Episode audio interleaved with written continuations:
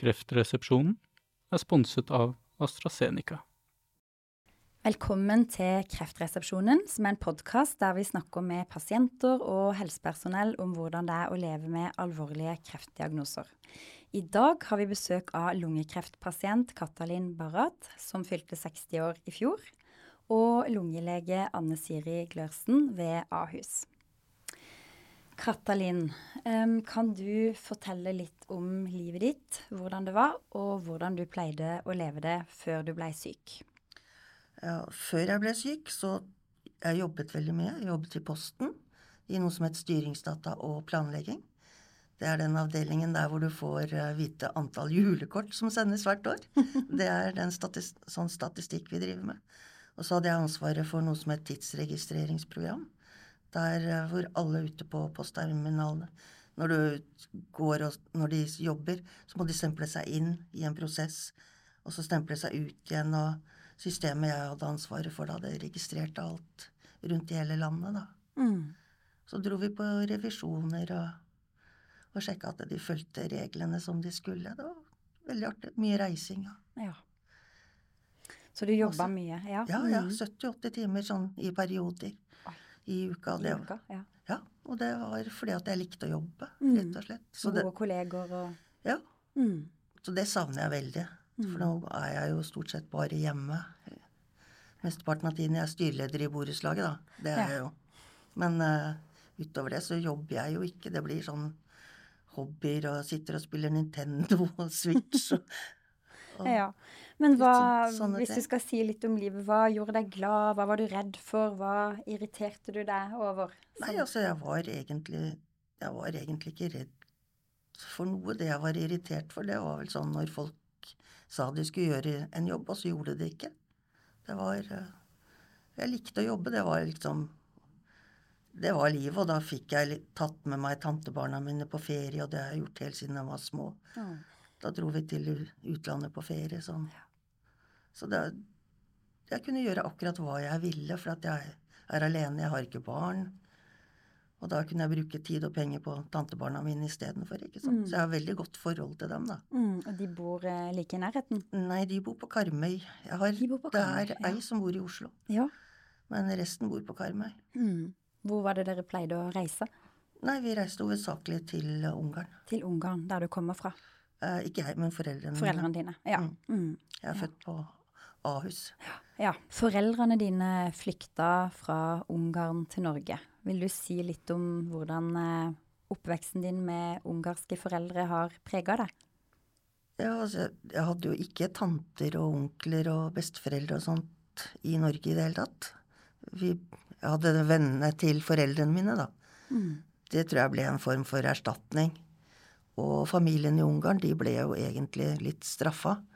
Fordi at mine foreldre flykta. De kunne ikke velge riktig hvilken utdannelse de ville ta selv. Og de fikk jo ikke jobb i samme stil, da, i forhold til utdannelsen. Som ene onkelen min, han var utdanna biokjem, i biokjemi, hadde doktorgrad.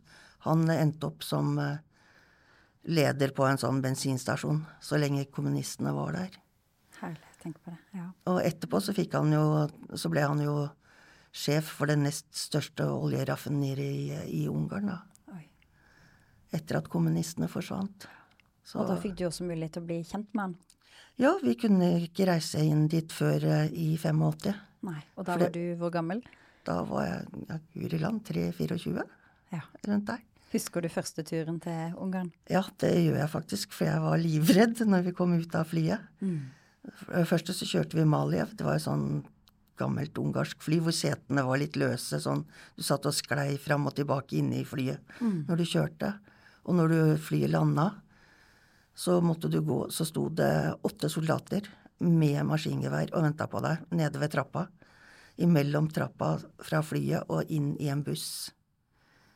Og du hørte det smalt liksom i, i våpnene sånn når du gikk ut av flyet, da. Og det var skremmende, ja. fordi jeg hadde aldri sett et våpen før i hele Nei. mitt liv. Nei. Og så skulle du gjennom åtte stykker. Mm. Det, var, det, var, ikke noe særlig. Og faren min han var veldig redd, for at vi visste jo egentlig Vi hadde jo hørt at det var trygt, At du kunne slippe ut igjen etterpå, men du var jo ikke helt sikker. Nei. Så han var veldig redd når vi gikk gjennom tollen og sånt. At Mm. Ville de ta han eller ikke? Men det, det gikk fint. Det gikk fint. Ja. Og når vi kom til uh, Sombatei, det er en by der hvor foreldrene mine kommer fra, Mm. da måtte vi melde oss på politistasjonen innen 24 timer. Så måtte vi oppgi hvor vi skulle og hvorfor og, og alt sånt. Og jeg hadde jo kusiner som bodde i byen, og så hadde jeg farmora mi som bodde litt utafor byen.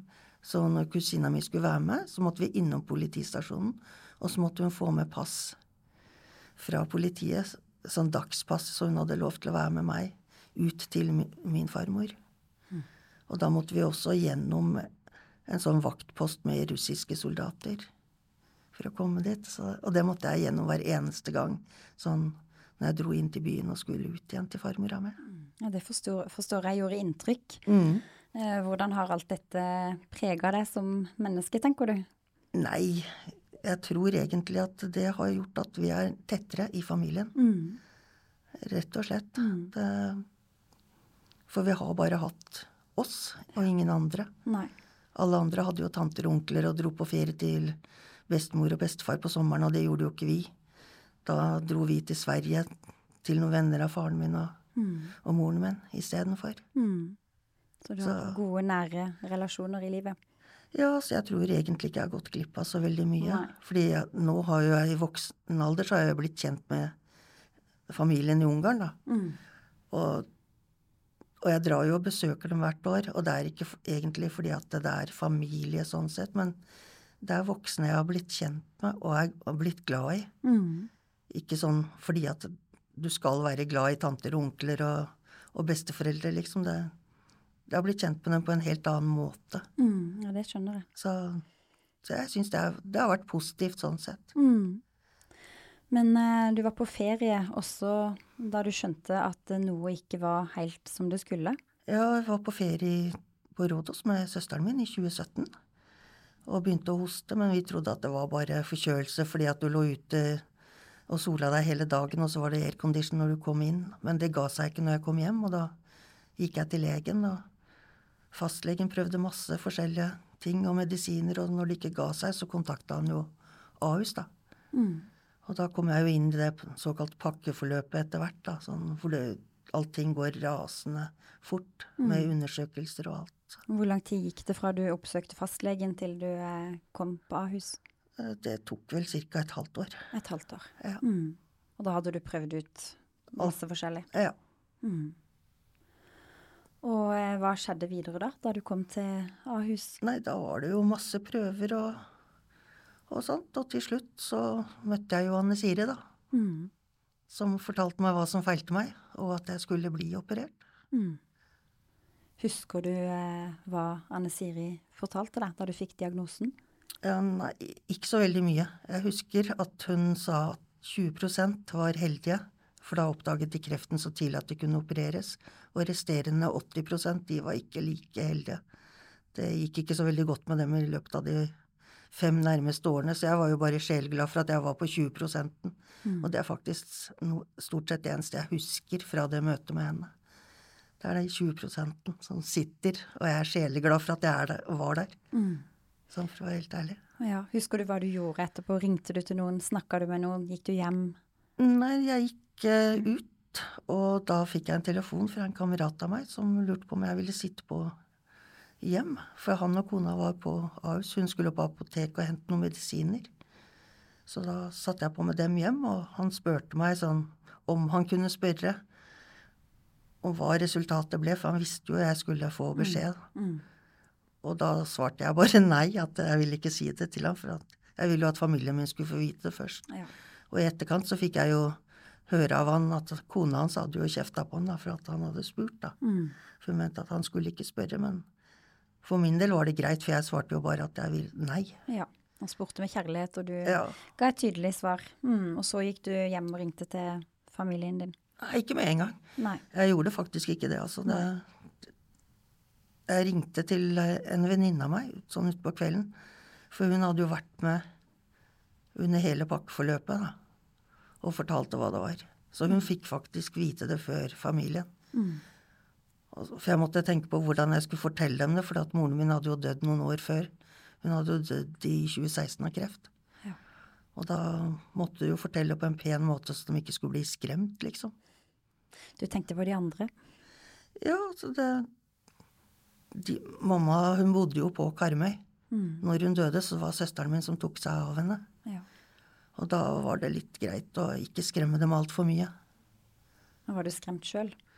Nei, egentlig ikke. Nei. Jeg var og er 100% trygg på at det, dette fikser det. Og det har de gjort hittils. Så. så jeg har ikke vært redd eller noe. Jeg har vært litt frustrert fordi at jeg hadde slutta å røyke for 15 år siden. Jeg begynte å røyke når jeg var 13, Mm. og så får du beskjed om at du har fått lungekreft. Det, var, det hadde jeg aldri trodd at jeg skulle få noen gang. I og med at jeg hadde slutta å røyke. For du jobba litt med å, å slutte å røyke, eller fordi du ville være bevisst og forebygge? Ja, nei, altså, det var Jeg vet egentlig ikke hvorfor jeg slutta. Det var Gikk vel lei. Det lukta som et askebeger, for å si det på godt norsk. Det, Mm. det var Det var færre og færre også som røyka. Og så pussa jeg jo faktisk opp hele leiligheten men Jeg hadde ikke så lyst til å ha så mye røyk der heller. Nei. Nei. Så har du vært da uten røyk i, i 15 år, og så får du diagnosen lungekreft. mm. Da ble jeg Ble ikke redd, men jeg ble litt frustrert. Mm. og litt småsint. Jeg tenkte at det går da ikke an, liksom etter så lang tid. Det, når jeg ikke fikk det mens jeg røyka. Nei, det skjønner jeg. Men det er visst ikke så veldig uvanlig, etter hva jeg har skjønt. Nei. Hmm. Um, Anne Siri, du kan jo starte med å presentere deg. Ja, ja, takk for at jeg fikk invitasjonen hit. Eh, Anne Siri Glørsen heter jeg. Jeg er lungelege eh, og jobber på Ahus. Og har jobbet med lungekreftutredning og behandling i veldig mange år. Så akkurat det ligger mitt hjerte veldig nær. Mm. Og du var den som ga diagnosen til Katti. Ja, det var det. Mm. Jeg husker egentlig det veldig godt. Og Ja. jeg har jo fulgt henne i mange år, begynner det å bli nå, da, i etterkant. Diverse behandlinger og kontroller. For det var i 2017, ikke sant? 2018. Ja, hun fikk, 2018, fikk ja. diagnosen i 2018. 2018 fikk du diagnosen. Mm. Mm. Og det er også sånn, Katalin er vel en typisk sånn eksempel på hvor vanskelig det kan være å stille lungekreftdiagnosen. Mm. Ehm, man kan jo si også kanskje symptomene at den lungekreften var tilfeldig, og symptomene var for at hun hadde astma som forverra seg av en annen grunn. Det vet man jo ikke. Ehm, Mm. men det tok i hvert fall litt tid før man fikk diagnosen, da. Ja. Eh, Du kan jo si litt om hva, altså, hva er lungekreft. Det fins eh, to typer. Lungekreft det er jo en kreftform som oppstår i lungen. Um, lungen er også et sted hvor mange andre krefttyper kan spre seg, men det er ikke lungekreft. Lungen, når vi snakker om lungekreft, så er det kreft som oppstår i lungen. Det er mange forskjellige typer, men man, liksom grovt sett så har man i alle år delt det i to. Eh, Det som heter småcellet, og så kaller man alle de andre typene for ikke-småcellet. Og det er fordi at det store skillet i behandling har liksom vært mellom eh, småcellet og ikke-småcellet, da. Mm.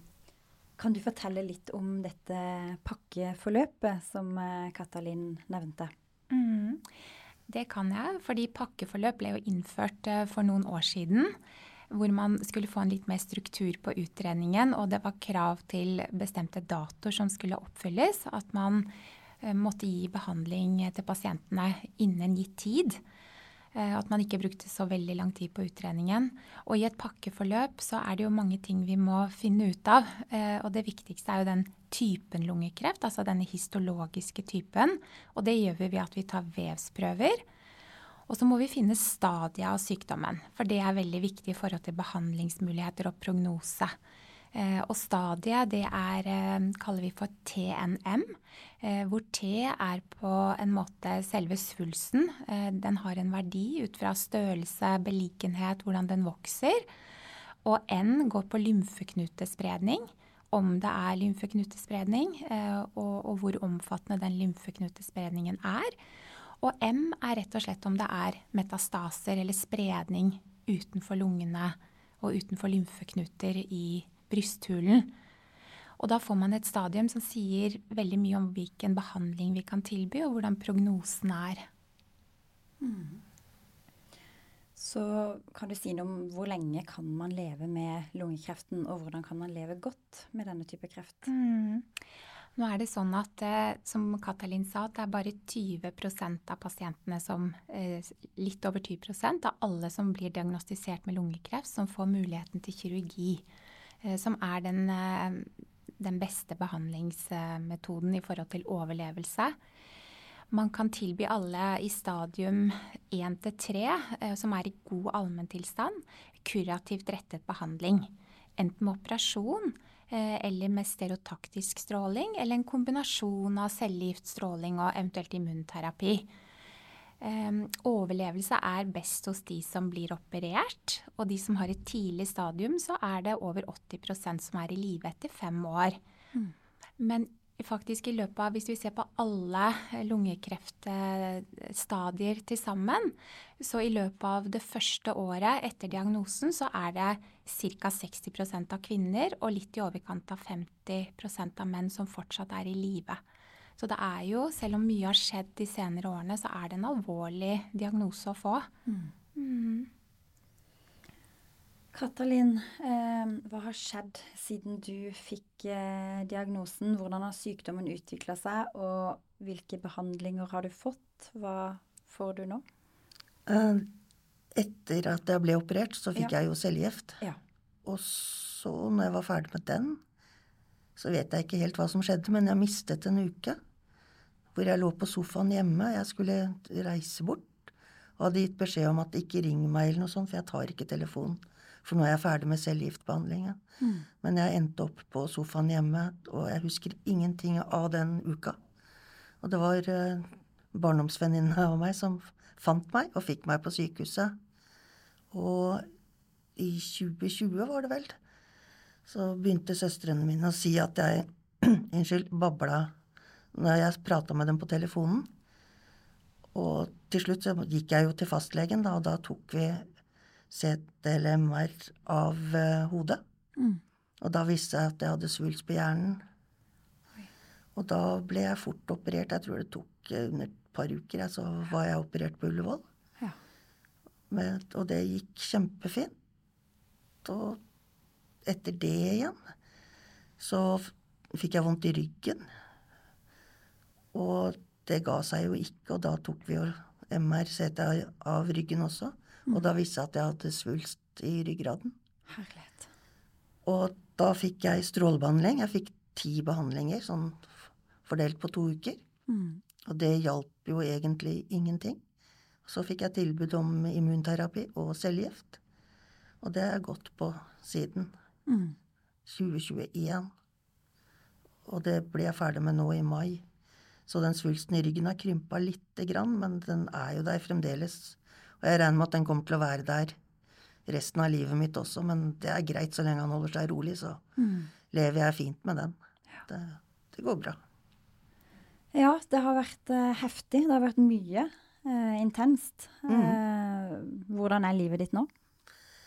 Nei, jeg vil jo påstå at det Ting tar tid. Jeg mm. er veldig sliten. Jeg sover mye. Jeg sover 14-16 timer i døgnet. Mm. Men jeg passer på å sove på dagtid mens folk er på jobb, for da orker jeg å være sammen med folk etterpå. Og så har jeg en liten hund som jeg er ute og lufter flere ganger om dagen.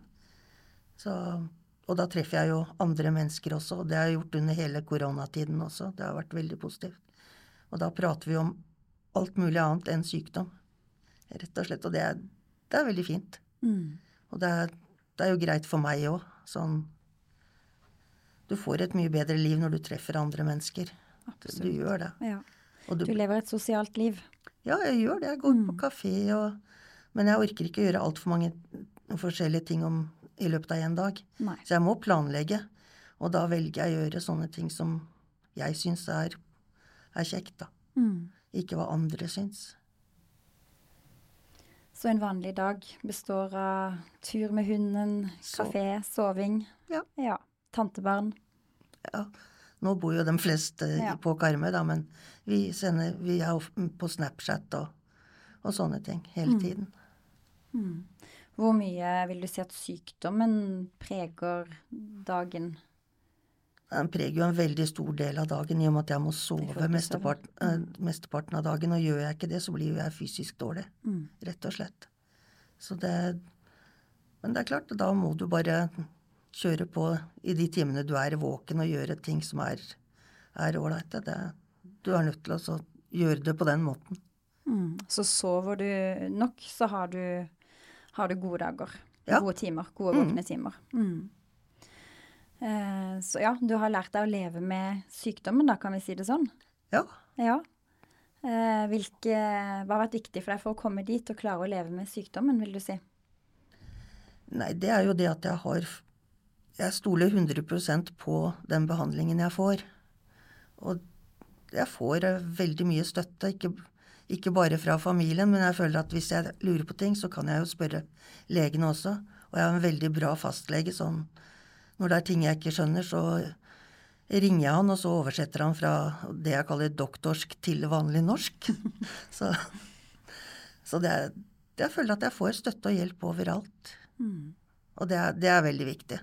Ja, det skjønner jeg. Fint å ha en sånn fastlege. Ja, også det at ikke jeg setter meg ned og syns veldig synd på meg selv. For det er ikke Mm. synd på meg. Jeg, jeg lever et veldig bra liv. Men jeg kan ikke gjøre absolutt alt det jeg gjorde før i løpet av én dag. Det, det går ikke. Jeg må planlegge. Men det går greit, det òg. Mm. Du har mange som uh, står deg nær. Er det sånn at uh, i forbindelse med sykdommen så har det kommet nye mennesker inn i livet ditt som står deg nær? Mennesker som har eh, som sto deg nær tidligere, som har forsvunnet ut? Altså Har det skjedd noe med relasjoner? Ja, jeg har jo mistet flere venner. mm. Og det tror jeg at det, kreft er jo ganske skremmende. Ja. Og når du liksom ja, blir operert for én ting, og så dukker det opp en ny en, ikke sant. Og det, det kan bli for mye for, for folk. Så jeg regner med sånn etter hvert, når de venner seg til at uh, dette går så bra, så kommer de nok tilbake etter hvert. Men ellers så har jeg de samme menneskene rundt meg hele tiden. Mm. Du opplever at det er frykt, kanskje, hos folk? Hos noen, ja. de som forsvant, Ja. så vil jeg nok tro det. At det, det er det det skyldtes. Mm. Så, men jeg har blitt kjent med nye mennesker, så det, det går helt fint. De kommer nok tilbake etter hvert, de som forsvant også, regner jeg med. For det er jo ikke farlig sånn Ja, ålreit, det er ikke noe sånn influensa det jeg har. Nei. Men uh, det er ikke smittsomt, for å si det sånn. Så de, de blir jo ikke syke av å være i nærheten av meg. Nei. Og jeg er ikke sånn, så jeg sitter ikke og prater om sykdommen min hele tiden, for det er ikke relevant for de andre, liksom. Det, det er jeg som er syk, ikke de. Og de trenger ikke å få vite det ned i minste detalj. Det, det er så unødvendig. Mm. Du virker veldig livsglad, har veldig mye energi og god energi, sånn som jeg ser det her i hvert fall. Eh, ja, jeg er vel sånn egentlig hele tiden. Ja. Og det, det tror jeg har hjulpet meg veldig mye også. Mm. Fordi hvis du setter deg ned og syns synd på deg selv, så tror jeg du blir deprimert etter hvert. Det, det vil jeg nok tro. Og fastlegen min, han Til å begynne med så var han jo veldig sånn Hvordan jeg hadde det, om jeg hadde vært nede i kjelleren. Og til slutt så måtte jeg jo bare si til han at jo, jeg hadde vært nede i kjelleren, og da så han på meg og liksom lurte på hvordan det gikk. Jo, sa jeg, fikk opp all julepynten, ja, så det gikk greit. Det var liksom Og da, da fikk jeg ikke sånne spørsmål mer, liksom. Mm. Eh, hva vil du si er det viktigste livet har lært deg så langt? Og ta tingene som det kommer. Mm. For dette her får ikke jeg gjort noe med allikevel. Det, ekspertisen, de har på sykehuset. Det er de som bestemmer. Jeg bare gjør det jeg får beskjed om, jeg. Og da er det greit, liksom. Da lever jeg livet mitt som jeg kan ellers. Anne Siri, hvilke behandlinger for eh, lungekreft fins i dag? Mm. Det har jo, I løpet av de siste årene så har det jo vært en fantastisk utvikling i behandlingsmuligheter i forhold til da jeg begynte å jobbe med dette. Da var det bare noen få cellegifttyper egentlig. Eh, Men med årene, så all forskning og alt eh, som har kommet til, så har det jo skjedd mye. eh, Og det skjer fortløpende ting, så, så mulighetene blir jo bare bedre og bedre. Eh, Behandlingsmulighetene avhenger jo litt hvilken type kreft man har, altså hvilken sånn histologisk type. Eh, og også hvilket stadium da. Og også din allmenntilstand og lungefunksjon. Eh, så det er jo ikke alle som har en liten kreftsvulst uten spredning som kan opereres. Fordi at de rett og slett ikke har lungekapasitet til å tåle å fjerne den delen av lungen som skal til. Eh, det Katalin fortalte, hun fikk også en sånn tilleggsbehandling, som det vi kaller adjuvant cellegift etter operasjon. Som er vanlig særlig hos de som har hvor det påvises lymfeknutespredning. Ja. Mm, ja. Ja, kan du si litt om behandlingsformene immunterapi og målstyrt behandling? Hva dette er, og hvordan det virker? Mm. Immunterapi brukes uh, først og fremst som livsforlengende behandling. Uh, men det kan også brukes kurativt etter de som får en kombinasjon av cellegift og stråling, og, har en, så, en såkalt forandring i kreften med PDL-en, hvor kreften er PDL-en positiv PDL-en er et protein eh, på kreftcellene. Eh, da kan de også få immunterapi et år etter en sånn behandling. Men ellers er immunterapi en livsforlengende behandling til de som er høyere stadier og får livsforlengende terapi. da. Immunterapi det er eh, en helt ny måte å tenke kreftbehandling på når du sammenligner med cellegift. For cellegift skal jo drepe kreftceller direkte. Mens immunterapi skal få kroppens eget immunsystem til å begynne å angripe kreftcellene, altså oppfatte de som fremmede celler på lik linje med bakterier og virus, og rett og slett starte et celledrap. Så immunterapi er, er et stoff man får i kroppen som skal blokkere et gjenkjennelsesprotein mellom immunsystemet og kreftcellene.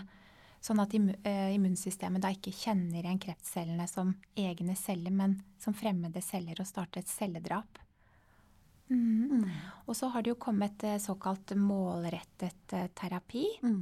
hvor man kartlegger bestemte genforandringer i en kreftsvulst, hvor man tenker seg at akkurat den genforandringen er en drivermutasjon, at det er den som driver cellen til å være en kreftcelle, og så blokkerer man den. Eh, og da, da, da dør cellen. Og der har det skjedd en voldsom utvikling de senere årene. Mm. Så, og det i hvert fall på Ahus og de fleste sykehus, så finner man disse genforandringene nå ved at man gjør sånn såkalt NGS av eh, vevsprøver. Da. Man kan kartlegge mange sånne drivemutasjoner hvor det er kommet direkte målstyrt behandling mot. Det er positivt. Eh, og tidlig diagnose er viktig. Og eh, vi har flere screeningprogrammer i Norge i dag, bl.a. for brystkreft. Og nå pågår det en eh, pilotstudie om lungekreftscreening på ditt sykehus, Ahus. Ville man kunne redda flere liv hvis man systematisk hadde screena for lungekreft i Norge? Mm. Dette har vært eh, veldig diskutert, eh, og det man vet fra tidligere er resultater av to eh, store studier. En amerikansk studie og en studie som har vært viktig i Europa, som heter Nelson-studien. Som er en stor screeningstudie som foregikk i Belgia og Nederland. Og der har man vist at man kan redusere dødeligheten med over 20% ved å skrine grupper pasienter som er i risiko Eh, og det er de som har røkt eh, lenge nok, da. Så og så mange pakkeår.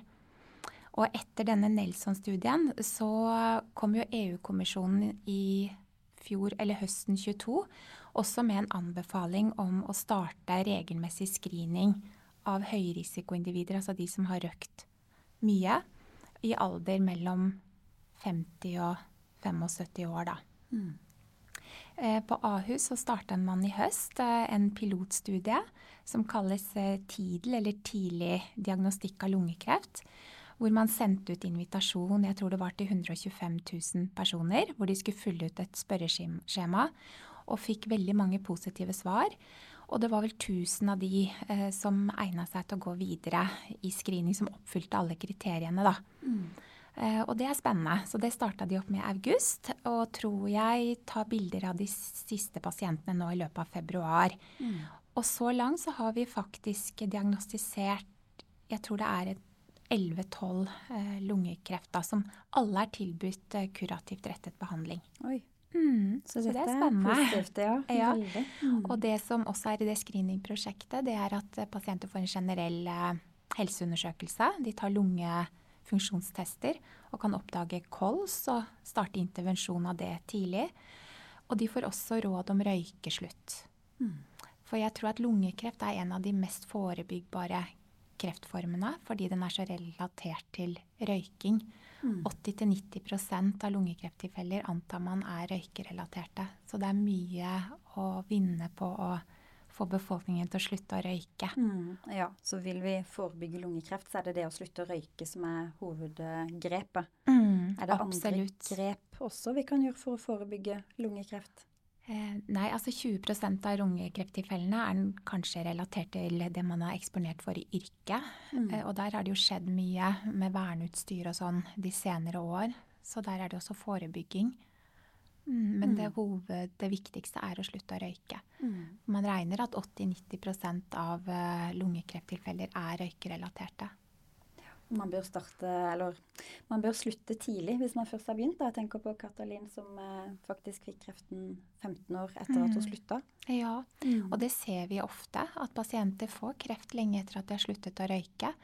Og det er nok, en, er nok sånn at kreften påfører cellene eh, forandringer. Eh, påfører et stress og, og genforandringer sånn underveis da, som er permanente. Så, så risikoen vil være der hvis du har røkt lenge nok, selv om du da har sluttet. Mm. Hvor lenge er lenge nok? Ja, det kommer kanskje an på hvor mange pakkeår man har bak seg. Altså Ett pakkeår er eh, 20 sigaretter daglig i ett år. Så har man røkt lenge nok, så vil nok skadene være der. Mm. Jeg, de siste to-tre årene så røyka jeg Eller hvis jeg tente på, jeg røyka ikke, men 40-60 om dagen. Ja. Hvor mange år var det du røyka? Jeg begynte når jeg var 13. Ja. ja. Mm. Sluttet når jeg var vel 36 eller rundt der. Mm.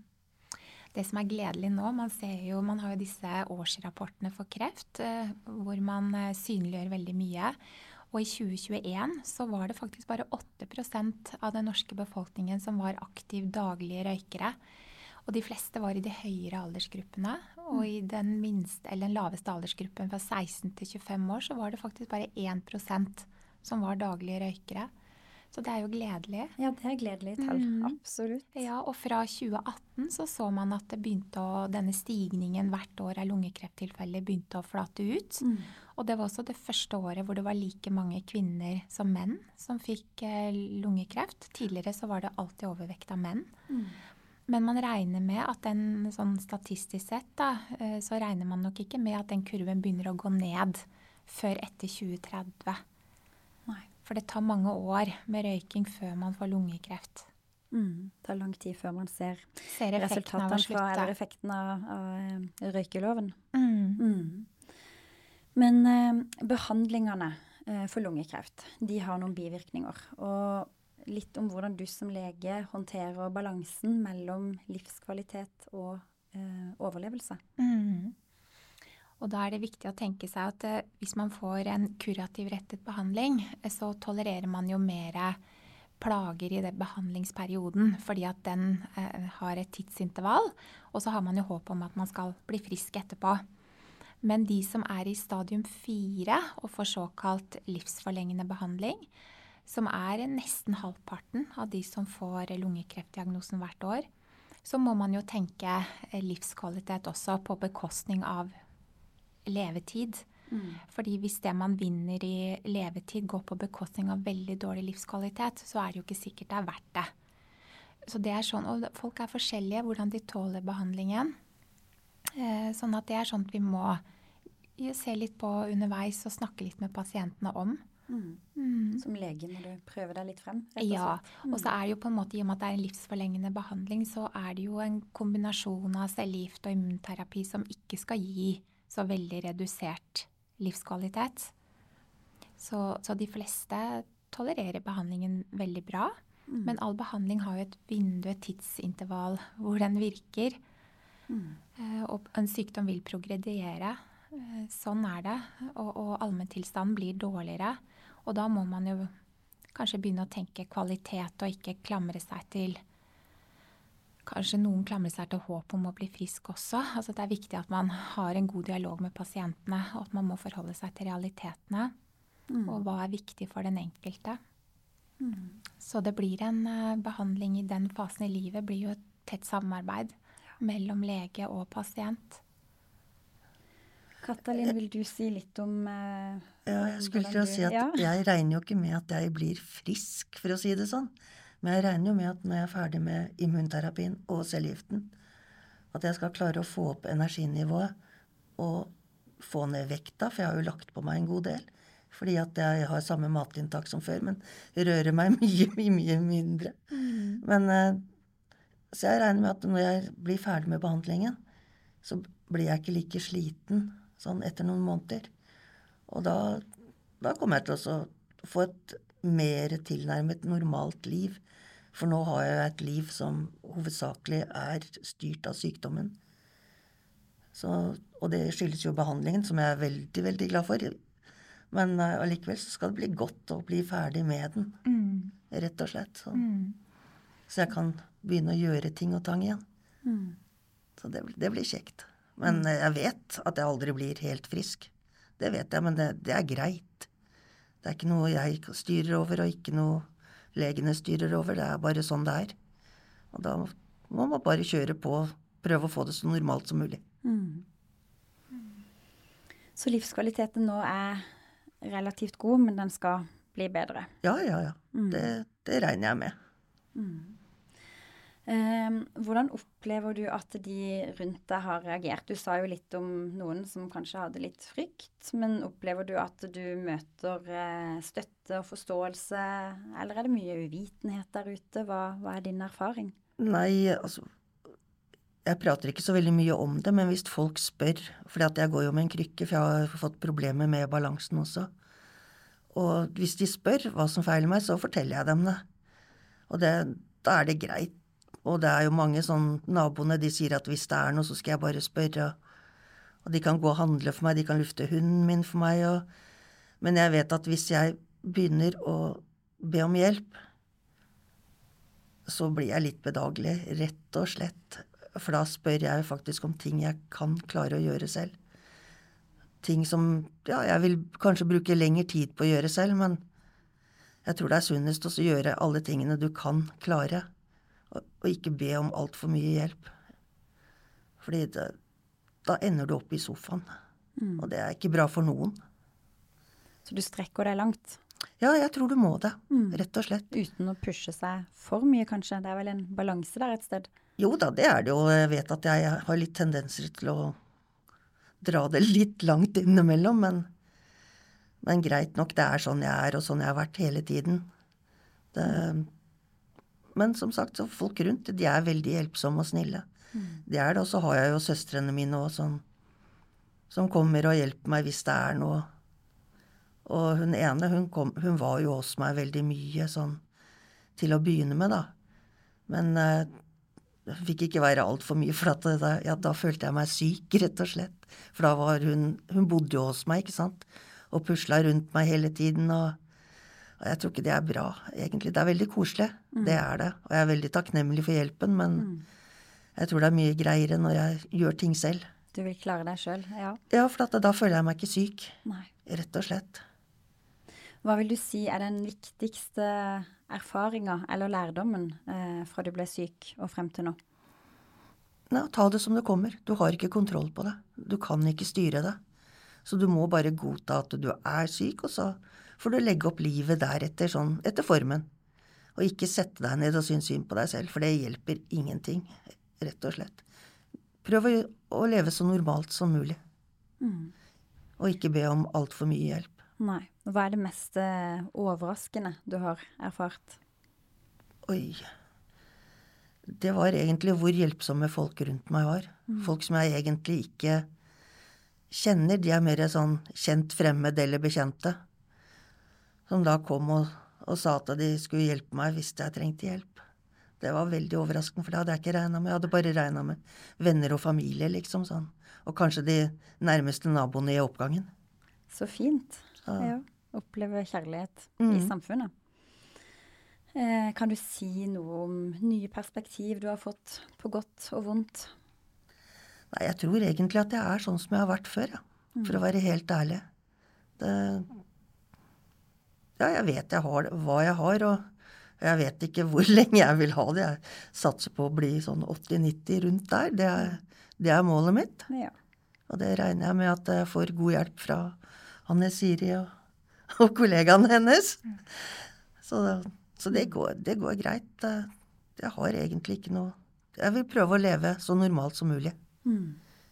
Er det noe du er redd for? Nei, Nei. ikke i det hele tatt. Jeg har så stor tiltro til at jeg får den behandlingen jeg skal, så Og redd for å dø Ja, jeg så moren min dø. Og det, det var leit, men det var ikke noe å være redd for, for å være helt ærlig. Hun døde også av kreft. Ja, hun døde av kreft i 2016. Så jeg og søsteren min, vi, vi var der når hun døde, da. Mm. Var det samme type kreft? Nei, hun hadde tarmkreft. Ja. Mm. Så, så jeg er ikke redd for å dø heller, liksom det. Ja, det kan godt hende at jeg blir redd den dagen jeg får at jeg kommer dit, men per i dag så, så er jeg ikke det. Nei, det er veldig fint å snakke med deg. Du er veldig sånn trygg og rolig og god og ja, virker som du har et godt liv. Ja, men jeg har det, og det er jo fordi at jeg får så mye hjelp og støtte fra, fra alle rundt meg. Ja, det er fantastisk. Eh, er det noe vi ikke har snakka om som du har eh, lyst til å si? eh, Om dine egne erfaringer, eller til andre som kanskje akkurat har fått diagnosen eller lever med dette? Det er at de må prioritere. For du blir sliten av behandlingen. Og jeg tror at i mange tilfeller, de rundt deg, de skjønner ikke helt hvor sliten du kan bli. At de vil gjerne ha deg med på i bursdagslag og ut og spise og, og alt sånt. Men velg de tingene som gjør deg glad, ikke det som gjør de rundt deg glad. Og vær veldig klar på hvorfor du gjør det. For da blir ikke de rundt deg sure. Og Det var sånn, et godt råd. Mm. det er det eneste. Mm. Er det noe du har lyst til å, å si som ikke vi har snakka om, Anne Siri, fra ditt perspektiv? Nei, du vet jo nå er jeg som lungelege og driver med lungekreftutredning, så formidler du jo nesten daglig eh, disse beskjedene om en alvorlig sykdom. Og man har tenkt at hvordan, hvordan takler man det selv? Fordi man, det ligger i oss at vi tenker på en måte framtid hele tiden. Og plutselig så er det noe som begrenser det. Men jeg er overrasket å se hvor mye ressurser og hvor mye evne til omstilling vi mennesker har. Og faktisk klarer å gripe dagen og den tiden vi har, og, og, og leve så godt vi kan med en alvorlig sykdom. Eh, og Katalin har jo klart det helt fantastisk. Men det er jo takket være all den hjelpen jeg har fått. Og behandlingen jeg får. Jeg, jeg stoler så på at det, det klarer dere. Altså, jeg mener, dere, dere fjerna svulsten i hjernen. Den i ryggen, den er stabil. Lungene, den svulsten der er borte. Altså, hva mer kan man forlange, egentlig, liksom? Det, det, går, det går kjempebra. Til tross, liksom. Ja, Katalin får nå såkalt livsforlengende behandling med en kombinasjon av cellegift og immunterapi, hvor behandlingslengden er eh, inntil to år, dvs. Si så lenge den har effekt, og maks to år. Og som Katalin sier at i mai så har hun jo stått på den behandlingen i to år. Eh, Og så langt har det gått veldig fint. Eh, Kreften har holdt seg helt i sjakk og gått litt tilbake. Så nå blir hun fulgt opp med kontroller, eh, og så får vi jo se hvordan det går. Mange kan ha stabil sykdom lenge. Og særlig med immunterapi så har man jo virkelig sett langtidsoverlevere på stadium fire, eller de med spredning, da. Så det er mye, mye som skjer.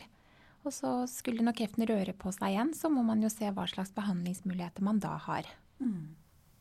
Ja, Da er du i de beste hender. Ja da, det har jeg vært eh, 100% overbevist om helt fra start. Tusen hjertelig takk, Katalin, for at du ville fortelle din eh, historie til oss. Det setter jeg veldig stor pris på. Og takk, eh, Anne Siri, for at du også tok turen. Det har vært fint å ha dere i studio. Tusen takk for oss.